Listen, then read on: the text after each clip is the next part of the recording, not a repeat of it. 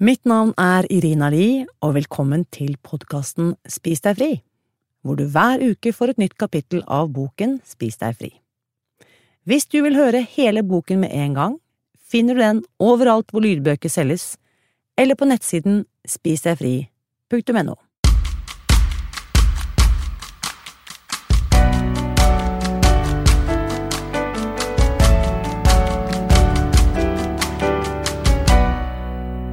Kapittel 3 Når matbegjær overtar styringen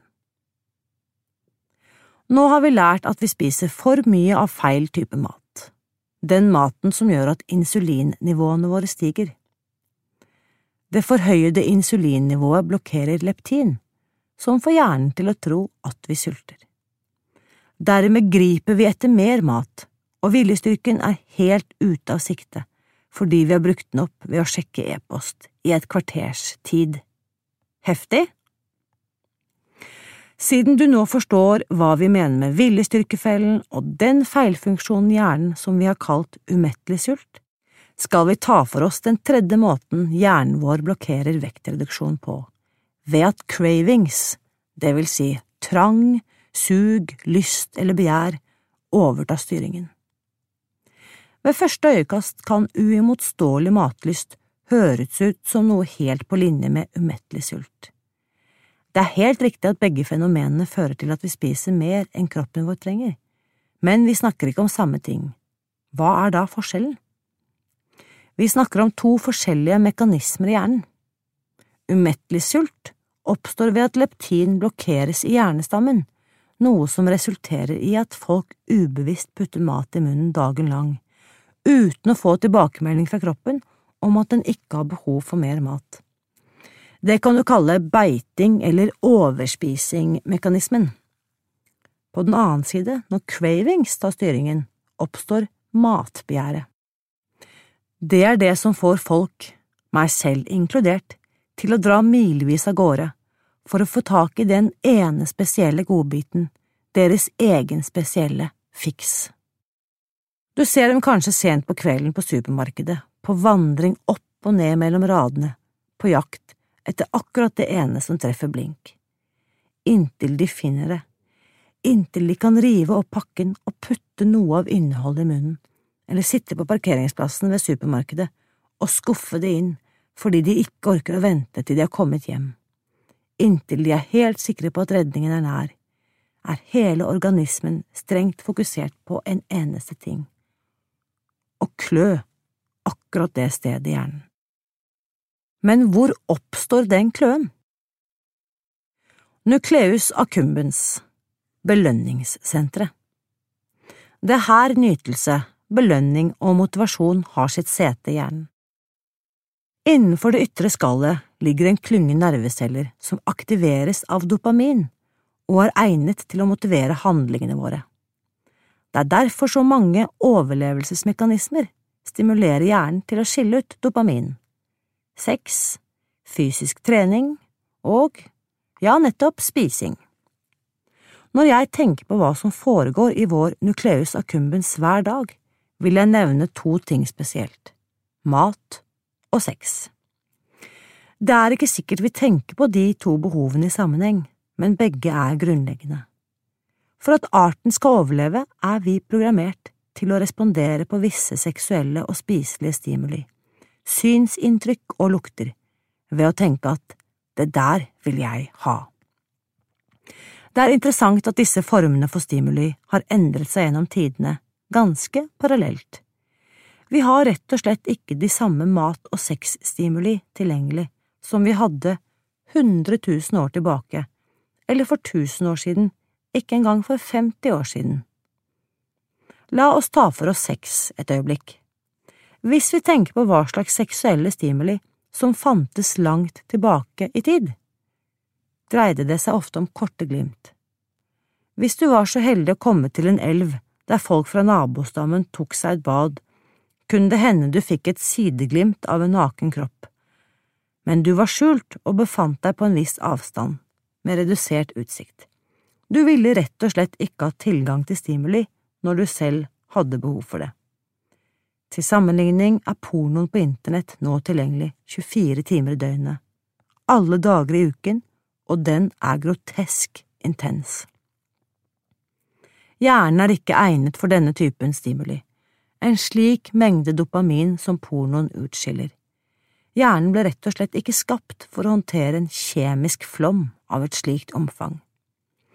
Når du pumper så mye dopamin ut i nucleus accumbens, reagerer den med å si jøss, det der er voldsomme greier, sånt noe har vi ikke bruk for. Hvis det gjentar seg gang på gang, tilpasser den seg ved å nedskalere responsen. Nedskalering En slik nedskalering av responsen betyr at hjernen kobler ut en del dopaminreseptorer for å tilpasse seg flommen. Neste gang et tilsvarende stormangrep finner sted, vil responsen være mer passende. Det høres fint ut, bortsett fra at nå endrer du hjernens fysiologi. Hvis stimulansen ikke kommer, føler du deg ikke bra. Hva vil det si?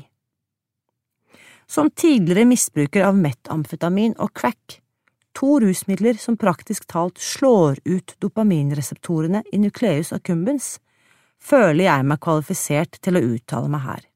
Det jeg vil si, er at rusmiddelbruk ikke fører til nytelse. Kanskje i begynnelsen, men ikke etter en stund. Hvordan føltes det da? Det føltes som mer. Jeg ville bare ha mer. Men så snart dopaminnnedskaleringen satte inn, føltes tilstanden min mellom skuddene som det motsatte av nytelse rett og slett nitrist. Det føltes som kløe, det føltes som den ytterste nød, det føltes ikke godt i det hele tatt, og jeg måtte ha tilgang til mer for å komme unna. Ikke for å bli høy, men for å bli normal igjen. Det er noe jeg tror mange misforstår.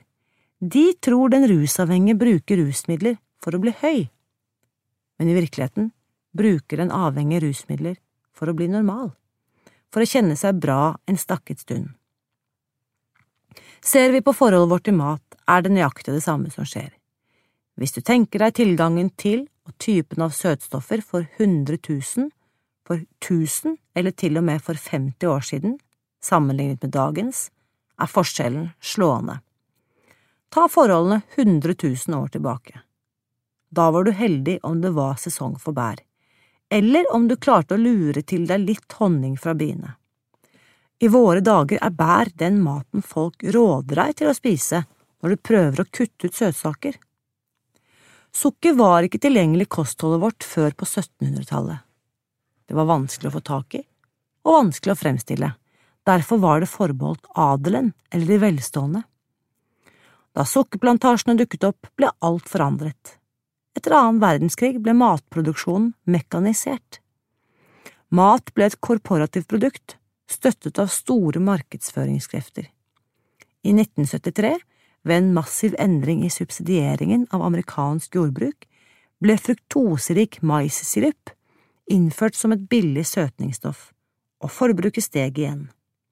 Men enten vi snakker om fruktoserik maissirup, gammeldags bordsukker eller hvilken som helst av de dusinvis av sukkertyper som sorterer under forskjellige navn, er det et faktum at 80 prosent av kaloriene som føres i supermarkedene, består av sukker. Det smaker godt, og det får hjernen vår til å registrere velvære. Resultatet er at sukkerforbruket i løpet av de siste tiårene har gått rett til himmels, noe som betyr at vi oversvømmer hjernen med stadig høyere og mer virkningsfulle stimuli, stimuli som vi simpelthen ikke er skapt til å håndtere. Matbegjær Det er det som skjer i hjernen. Vi oversvømmer reseptorene med dopamin, og de tynnes ut. Hvor ofte skjer det egentlig? Tenk over det som ble beskrevet i kapittel to, at leptin blir blokkert i hjernen, slik at vi stadig går tilbake for å forsyne oss med mer mat. Hvis noen spiser ferdigbehandlet mat til hvert måltid, eller enda oftere, blir dopaminreseptorene utsatt for overstimulering med bare få timers mellomrom. Det finnes selvsagt andre typer stimuli i vår moderne tilværelse som oversvømmer hjernen med dopamin. Kaffe hele dagen, sigarettrøyking, jevnlig tilgang på pornografi, inntak av kokain eller amfetamin og alkoholforbruk. Men ærlig talt er det ille nok å spise mye sukker og mel. Ja, i matveien er det disse to som er synderne, sukker og mel. Faktum er at jeg vil be deg se på sukker og mel på en helt ny måte. Folk tenker gjerne på sukker og mel som mat. Jeg vil at du skal begynne å se på disse to stoffene som nettopp det de er – avhengighetsstoffer. Sukker og mel i hjernen Se på tegninger eller fotografier av kokain, heroin, sukker og mel som du finner på nettet. Jeg vil absolutt anbefale deg å google illustrasjoner av disse fire stoffene, så du kan se med egne øyne hva jeg er i ferd med å forklare. Av naturlige grunner kunne jeg ikke fremskaffe fotografier av heroin og kokain for å vise deg, men det er verdt å ta en titt på hvor nifst like disse fire stoffene ser ut. Hvis du først tar for deg bildet av kokain. Som vi alle er enige om, er kokain et narkotisk stoff. Men hvordan blir det narkotisk? Hvor kommer det fra? Kokain er utvunnet av kokablader som vokser i Colombia og andre områder i Sør-Amerika. I utgangspunktet er kokabladene ganske harmløse. Fjellvandrere i Andesfjellene tygger dem hele tiden. Hva skjer når du putter et kokablad på innsiden av kinnet og tygger på det? Kinnet blir litt numment, og du får et lite løft, som om du hadde drukket en kopp med koffeinte. Fører denne behagelige fornemmelsen til at du bryter deg inn i bestemors hus og stjeler DVD-spilleren hennes så du kan få kjøpt flere kokablader? Nei, det gjør den ikke. Kokablader er ikke vanedannende. Men når du tar den innerste substansen av kokabladene og raffinerer og renser den til et fint pulver, da har du et narkotisk stoff. Et svært sterkt narkotisk stoff – kokain. Se så videre på et bilde av heroin. Heroin kommer fra valmueplanten. Hva skjer om du sitter på bakken og spiser valmueplanter hele dagen? Du ville nok ikke gå fri i en urinprøve for opium, men du vil ikke bli avhengig. Du blir ikke en kløne, sammenkrøkt opiummisbruker. Det er bare når du tar den innerste substansen av valmueplanten og raffinerer og renser den til et lysebrunt pulver, at du får det illegale rusmiddelet heroin. Det neste er sukker. Hvor får vi sukker fra? Fra sukkerrør, sukkerroer og mais. Det er mattyper som jeg ville spise uten å nøle. Sukkerrør er vanskelige å oppdrive i de amerikanske nordøststatene, så jeg har aldri tygd på dem, men jeg spiser ofte sukkerroer på salaten min til middag. Jeg elsker maiskolber, i nærheten av huset mitt er det faktisk en salgsbod der bonden selger ferske maiskolber hele sommeren. Nam-nam. Ikke avhengighetsskapende, bare sunt. Men når du tar den innerste substansen fra disse plantene og raffinerer og renser den til et pulver, eller en tyktflytende, fruktoserik maissirup, da har du et narkotisk stoff. Du har tatt et matemne og gjort det om til et narkotisk stoff. Til slutt, mel. Hvor får vi mel fra? Fra mange forskjellige planter. De er alle opprinnelig sunne planter i sin hele form. Men når du tar den innerste substansen fra plantene og raffinerer og renser den til et fint, pudderaktig pulver, da har du et narkotisk stoff. Når du leser det jeg legger frem her, kjenner du deg kanskje helt satt ut ved tanken på å skulle leve uten sukker og mel. Da vil jeg bare påpeke at det er prat som følger av dopaminnedskалering. Det er forunderlig hvor sterk denne oppfatningen kan være. Vi tenker at et liv uten disse to matsortene ville bety at det ikke finnes noe godt å leve for. Jeg kjenner til den tristhetsfølelsen, men du kommer gjennom den fasen, det lover jeg. Dopaminreseptorer regenereres. Du kommer til å ha det helt fint. Ja, du kommer til å ha det bedre enn bare fint, for ganske snart vil du være på vei til ønskevekten din. Mye lykkeligere, mye tryggere og fri fra skadene som disse stoffene påfører hjernen din. Her er en tegners versjon av PET-skanninger som viser tre forskjellige hjerner og dopaminreseptorene i deres nucleus accumbens. Du som lytter til denne boken, kan finne disse illustrasjonene på nettsiden www.spisdegfri.no skråstrek lydbok. Hjernen til venstre er normal og viser en sunn dopaminrespons, representert ved de mørke skyggene. Jo mørkere skygge, dess sterkere nevrologisk aktivitet. Hjernen i midten tilhører en som er kokainavhengig. Der legger du merke til at responsen er ganske dempet, men se på hjernen til høyre, som tilhører en sterkt overvektig person. Ser du hvor små skyggeområdene er? Dopaminresponsen her er faktisk mer redusert enn hos den kokainavhengige. Et av vitenskapens grunnprinsipper er at sammenfall ikke beviser årsakssammenheng. Med andre ord, det er mulig at istedenfor at overspising forårsaker uttynning av dopaminreseptorene, kan forholdet være omvendt. Kanskje hjernen til den overvektige krever så mye mat fordi den var utstyrt med for lite av dopaminreseptorer fra starten av. Forskerne baserte seg på denne oppfatningen frem til mai 2010, da en studie fra forskningsinstituttet Scripps ble publisert i tidsskriftet Nature Neuroscience. Dr. Paul Johnson og dr. Paul Kenny tok for seg rotter med normale, sunne hjerner og fordelte dem i tre grupper. Kontrollgruppen ble fòret med standard laboratoriepellets for rotter. Gruppe nummer to fikk servert et kosthold bestående av bacon, pølse, ostekake, formkake, glasur og sjokolade men bare i én time hver dag. Den tredje gruppen fikk tilgang til dette kostholdet i 18 til 23 timer i døgnet, alt de klarte å spise, en regulær rottebuffé. Ikke overraskende ble rottene i den tredje gruppen sterkt overvektige, men det viktigste var at de startet opp med vanlige, normale hjerner og endte med en nedskalering av dopaminreseptorene kostholdet forårsaket endringene i hjernen.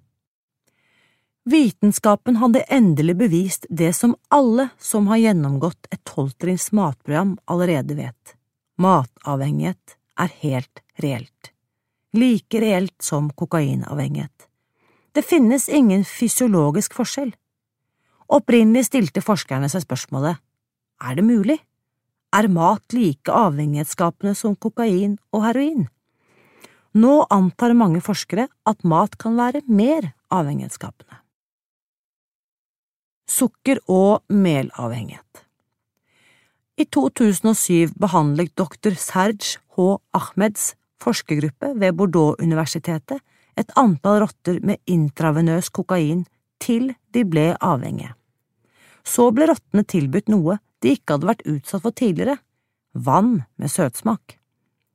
Rottene ble nødt til å velge mellom intravenøs kokain, som de allerede var avhengig av, og vann med søtsmak. Det spilte ingen rolle om vannet var søtet med sukker eller sakarin. Rottene foretrakk søtt vann. Basert på denne studien har dr. Mark Hyman beregnet at sukker er åtte ganger mer avhengighetsskapende enn kokain. I studien fra Scripps-instituttet var rottene villige til å gå og stå på et gulv som ga elektriske støt, bare for å kunne fortsette å spise mat med søtsmak. Graden av avhengighet kan måles ved å titrere støtstyrken, som et testindivid frivillig utsetter seg for, for å kunne fortsette å få tilgang til stoffet. Terskelen hos disse rottene steg helt opp til det samme nivået som gjaldt for kokain- og heroinavhengighet. Noe annet som er verdt å merke seg, er at da forskerne tok vekk denne særdeles velsmakende maten og satte frem standard rotteføde, sultet de seg. De var ikke interessert i å spise noe annet enn den bearbeidede og svært tilfredsstillende føden. Forskerne kalte eksperimentet salatbar-alternativet, og rottene ville ikke ha noe med det å gjøre. Så hvordan vet vi hvilke mattyper som er avhengighetsskapende? Noen forskere og forfattere har antydet at de elementene som skaper avhengighet, er sukker, fett og salt. Jeg er ikke enig i at det gjelder alle de tre. For det første finnes det så vidt jeg vet ikke noe bevis for at salt skaper avhengighet. Riktignok gjør saltet maten mer smaksrik, noe som kan føre til større inntak av kalorier. I en studie spiste deltakerne 11 prosent mer mat når den var passende saltet. Men smaksfremmende er ikke det samme som avhengighetsskapende. Hva med fett? Her er forskningen ikke så entydig, spesielt for de fleste matsorter som har høyt fettinnhold, også inneholder sukker, mel eller begge deler. Men i 2013 ble landskapet klarlagt. Tre skarpsindige forskere satte i gang en studie som stilte fett direkte opp mot sukker, og så på hva som skjedde i hjernen hos deltakerne, alt etter hvor store mengder de spiste av hver type. Forskerne plasserte deltakerne i en MR-maskin og målte aktiviteten i de forskjellige delene av hjernen mens de inntok sjokolademilkshake gjennom sugerør. Sukkerinnholdet kontra fettinnholdet i milkshakene ble titrert i fire varianter. Høyt sukker, høyt fett Høyt sukker, lavt fett Lavt sukker, høyt fett og lavt sukker, lavt fett. Resultatene viste at det var sukkerinnholdet ikke fettinnholdet som trigget responsen i belønningssentrene i hjernen. For meg gikk denne studien langt i å gravlegge ideen om at fett er avhengighetsskapende. I likhet med salt gjør fett maten mer velsmakende og bidrar sikkert til å drive kaloriforbruket i været, men det betyr ikke at det skaper avhengighet. For dem av dere som fortsatt ikke er overbevist, kan jeg si det på en annen måte. Hvis du tar smør og salt på brokkoli, spiser folk mer brokkoli, fordi den smaker bedre. Men jeg tror vi alle vet at ingen kommer til å bli rike på å starte en kiosk som selger bare brokkoli med salt og smør. En annen måte å få frem klare resultater på er å spørre folk, slik som jeg har spurt studentene i mine kurs i spisingens psykologi. Hva slags mat ville du dra langt av gårde for å kjøpe? Svarene? Kake, muffins, småkaker, sukkertøy, iskrem, smultringer, sjokolade, pizza, pommes frites, pasta, bagels, kjeks og pannekaker. Pizza, sjokolade og pommes frites er de tre mattypene som skaper størst avhengighet. Hvorfor er pizza så avhengighetsskapende? La oss tenke oss om. Pizza består av deig, saus og ost. Saus er deilig. Ost kan man bli litt avhengig av. Det er kasomorfiner i ost, og de etterligner en opiumrespons i hjernen. Men hva skjer om du tar ost og saus på brokkoli? Da får du en velsmakende tilleggsrett til middagen, men ikke noe du ville begi deg ut i en snøstorm for. Det er melet som fremmer avhengighetsresponsen i pizza. Legg for øvrig merke til at to av de tre mest avhengighetsskapende matsortene, pizza og pommes frites, er basert på mel. Hvis målet ditt er å bli lykkelig, slank og fri, er det helt avgjørende å være klar over hvilke mattyper som skaper avhengighet, for når det gjelder avhengighet, er det slik at én er for mye, og tusen er aldri nok. Andre matsorter er greie nok, i moderate mengder. Fett og salt kan også inkluderes i den daglige kosten, i moderate mengder. For når det ikke kombineres med sukker og mel, kommer det ikke til å ødelegge opplegget ditt. Men ta med sukker eller mel, og spillet er tapt. Et nedskalert liv En av USAs fremste eksperter på sukker, dr. Robert Lustig ved San Francisco-universitetet, hevder at det tar bare tre uker med jevnlig overstimulering før det skapes avhengighet og reseptorene i hjernen tynnes ut. Og når de reseptorene nedskaleres, skjer det flere ting. For det første, som jeg har nevnt tidligere, oppleves tilværelsen mellom måltidene som trist, noe som kan ses som en kobling mellom den amerikanske standardkosten og depresjon. For det andre minsker faktisk smaksevnen. Ikke bare det, men studier har vist at hjernen hos overvektige signaliserer mye større forventning til matopplevelsen enn hos en slank person. Men når de spiser, blir gleden over maten mindre. Med andre ord, om du er på en av diettene vi diskuterte i kapittel én, og du begynner å tenke på hvor deilig det hadde vært å spise noe utenom dietten, overdriver hjernen gevinsten som den maten forventes å gi. Men når du faktisk spiser den maten, kommer ikke gevinsten du forventet. Du sitter bare igjen med suget etter neste utskeielse. Jeg levde på den måten. Sene kvelder med å saumfare supermarkedshyllene etter ingredienser til kakedeig, halvliter med iskrem, pose med pommes frites og bokser med pasta. Jeg dro hjem og tvangsspiste mens jeg ventet på en opplevelse, en opplevelse av å være ferdig, som aldri kom. Jeg spiste opp alt, hele bollen, hele posen, hele halvliteren, men jeg var liksom aldri ferdig. Ikke før jeg var helt ferdig med sukker og mel. Historier fra virkeligheten Birgit Reiner Holm, 48 år, fra Gjøvik Service Delivery Manager Jeg har egentlig aldri hatt et anstrengt forhold til mat, og jeg har heller ikke opplevd spesielle matlyster eller cravings. I hverdagen har jeg spist relativt sunt, kylling, fisk og en del grønnsaker.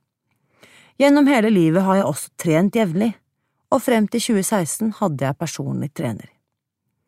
Da jeg var 20 år, fikk jeg lymfekreft. Jeg ble frisk fra sykdommen, men fikk senskader på hjertets kransårer og klaffer etter stråling og cellegiftbehandling. De siste fire årene har jeg vært ut og inn av sykehuset for å blokke eller stente kransårene mine. Diagnosen er aggressiv hjertesykdom, og det gjelder å finne en måte å leve best mulig med den. På grunn av sykdommen må jeg ta mye medisiner hver dag. Kolesterolnivået mitt må holdes veldig lavt, så ikke årene tetter seg igjen, selv om tilstanden egentlig ikke er kostholdsrelatert. Medisinen jeg må ta, gir masse bivirkninger, særlig kolesterolmedisinene. Da jeg hørte at Bright Line Eating kunne bidra til å redusere kolesterolet, ble jeg motivert til å prøve det opplegget.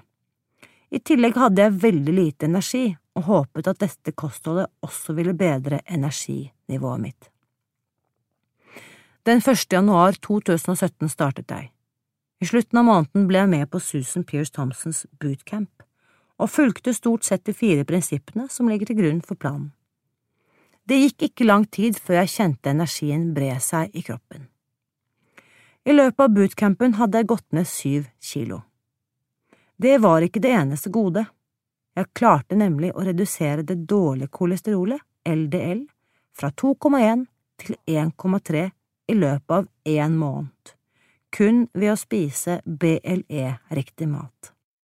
I samråd med legen min kunne jeg derfor kutte ut den verste kolesterolmedisinen i mai 2017. I juni det året måtte jeg tilbake til sykehuset med tett kransåre. Den sommeren falt motivasjonen til å følge opplegget. Men når jeg skeiet ut ved å spise sukker og mel og ikke nok grønnsaker, kjentes kroppen tung og ubekvem. Det ga også raskt utslag på energien. Jeg ble trøtt og følte meg skikkelig uopplagt. I tillegg økte kolesterolet. For meg er det en bekreftelse på at et kosthold uten sukker og mel senker kolesterolet.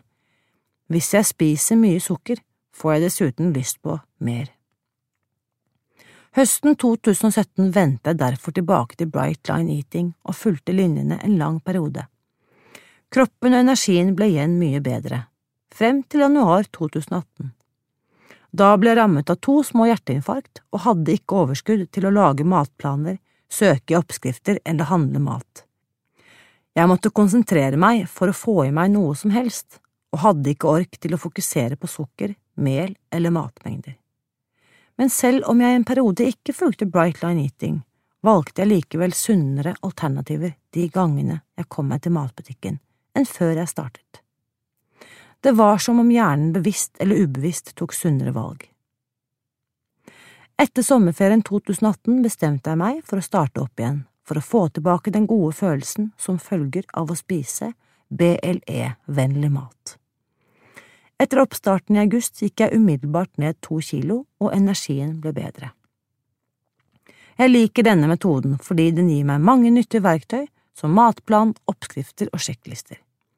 Jeg sparer dessuten penger på mat, siden jeg planlegger alle innkjøp. Vi kaster nesten aldri mat lenger i vår familie, siden gårsdagens middag ofte blir neste dags lunsj. Mannen min spiser det samme som jeg, og er veldig fornøyd med å få i seg bedre mat. Barna mine spiser ikke BLE-mat, så jeg ender ofte opp med å lage to middager hver dag. Men som datteren min, Sina, sier til meg, jeg spiser mer grønnsaker nå enn før, og jeg føler at jeg spiser mer usunt enn deg, når du spiser fisk og jeg spiser pølser og pasta. Selv om dette BLE-matopplegget påvirker familien, vil jeg si at det gjør det på en positiv måte.